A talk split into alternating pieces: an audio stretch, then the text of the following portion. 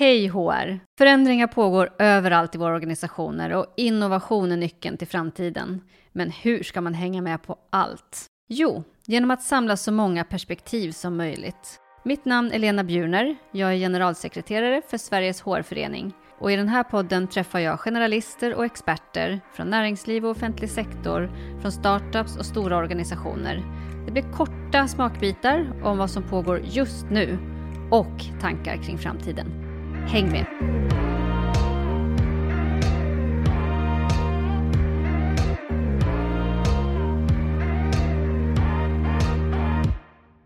Hej och välkommen till Hej HR och Lena Haddad. Särskilt välkommen till dig. Ja, men tack så mycket. Vad kul att få vara här. Ja, jag är jätteglad att du är här.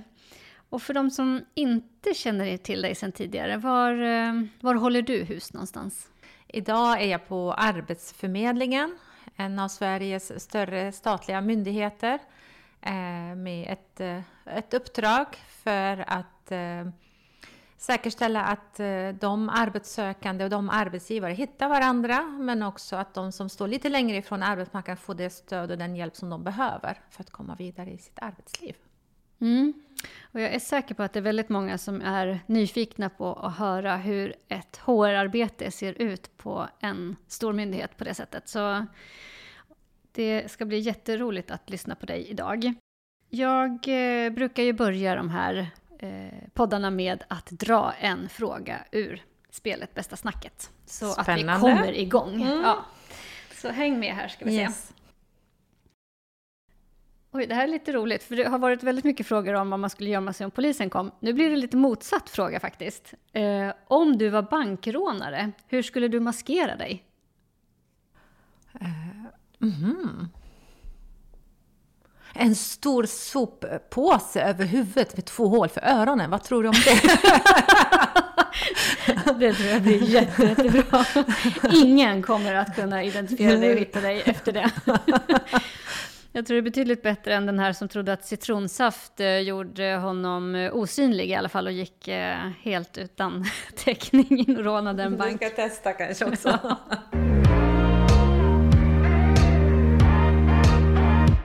Jag tänker att vi inte ska prata bankrån utan snarare prata om Arbetsförmedlingen och jobbet som du gör där.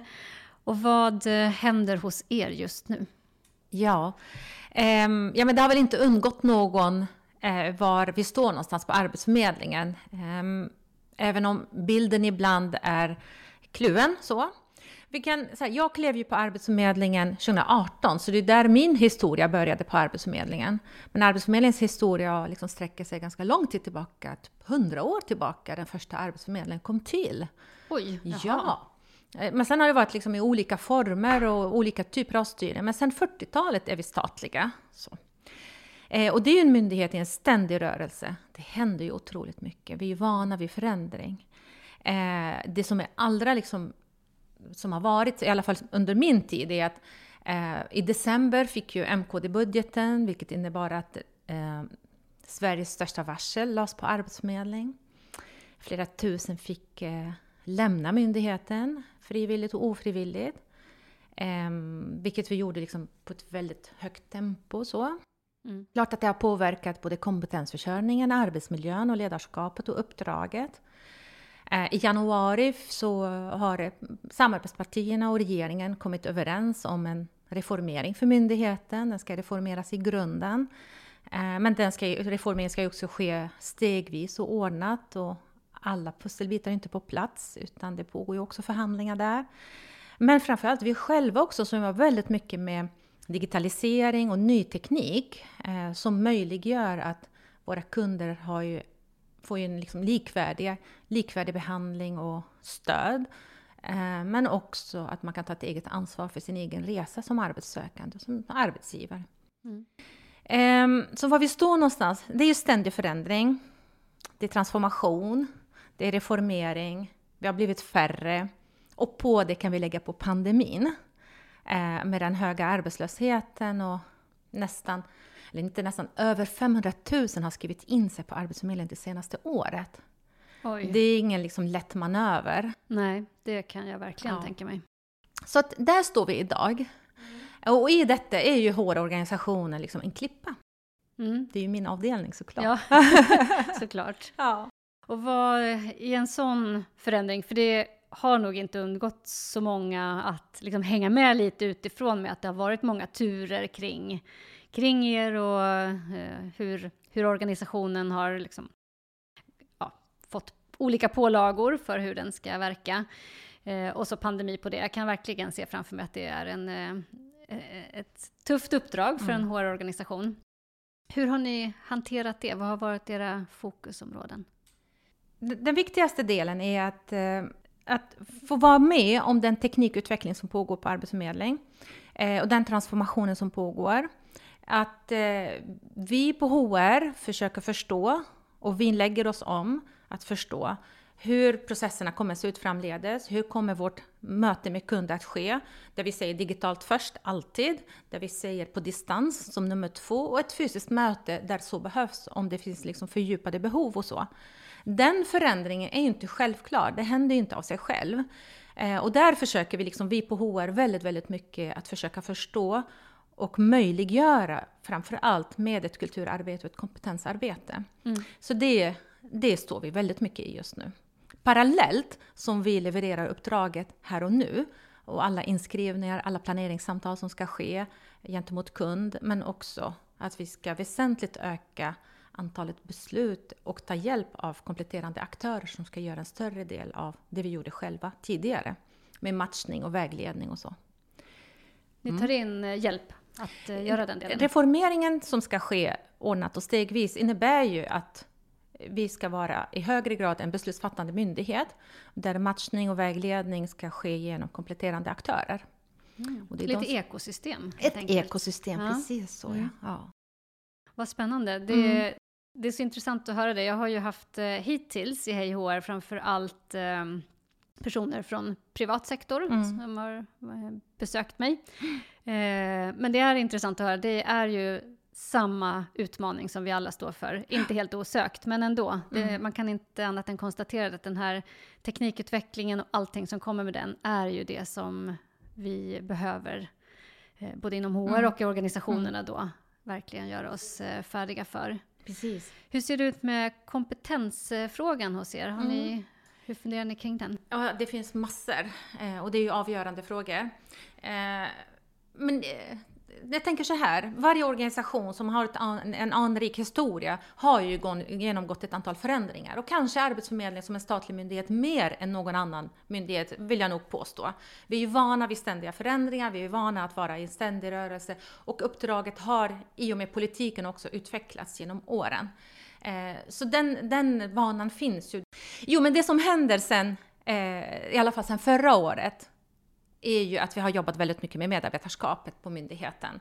Där vi säger att våra medarbetare som ska jobba hos oss ska ju liksom ha en stor benägenhet till förändring. Även om vi alltid har haft det så ska vi ha det ännu mer med tanke på den transformation som faktiskt pågår både hos oss och hos andra.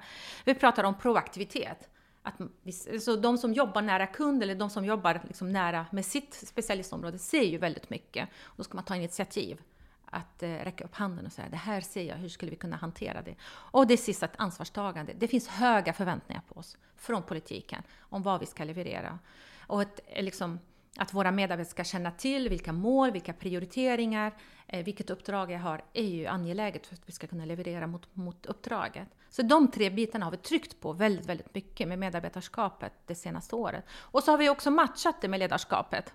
Och så har vi skruvat där på det, på, på den biten, där vi säger att våra ledare ska jobba utifrån sammanhanget som vi befinner oss i. Ja, men peka ut riktningen, det här behöver vi göra på den här avdelningen. För oss på HR innebär det att vi behöver göra de här frågorna och så. Eh, vi pratar väldigt mycket om att undanröja hinder för varandra. Det hänger ihop såklart med samarbete och möjliggöra varandras uppdrag. Och vi på HR är ju en möjliggörare för uppdraget. Då. Och det sista är ju att skapa delaktighet. Bjuda in till dialog och inkludering. Så de här bitarna är ju grunden egentligen som vi har jobbat med. Därutöver, arbetsmiljön, självklart. Eh, arbetsbelastningen är ibland rätt så tuff och våra chefer gör sitt yttersta och våra medarbetare. Men kompetens då? Där händer det grejer.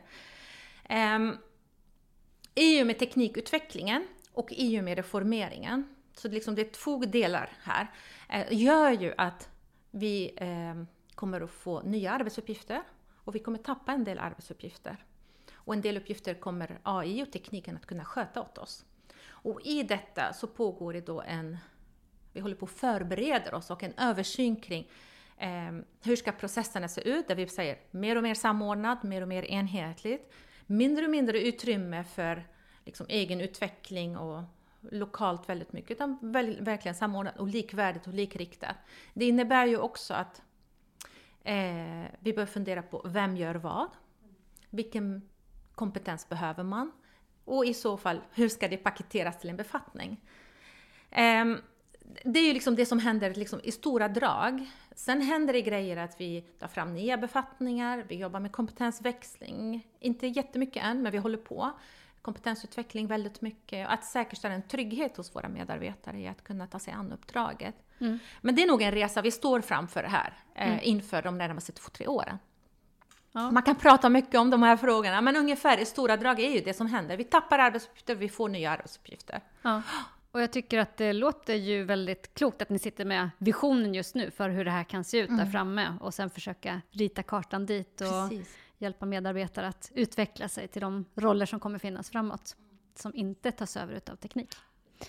Ja, intressant. Och jag tänker så här, i detta, om jag bara trycker på att det som, har, det som är allra roligast på Arbetsförmedlingen just nu är att allt detta eh, är ju att liksom både myndighetsledningen, verksamhetsledningen, övriga stödfunktioner, vi alla liksom krokar armar och jobbar väldigt mycket med detta och att HR är en naturlig del i detta. Det händer ju inte av sig självt utan det finns en stor efterfrågan på vår kompetens. Ja. Mm.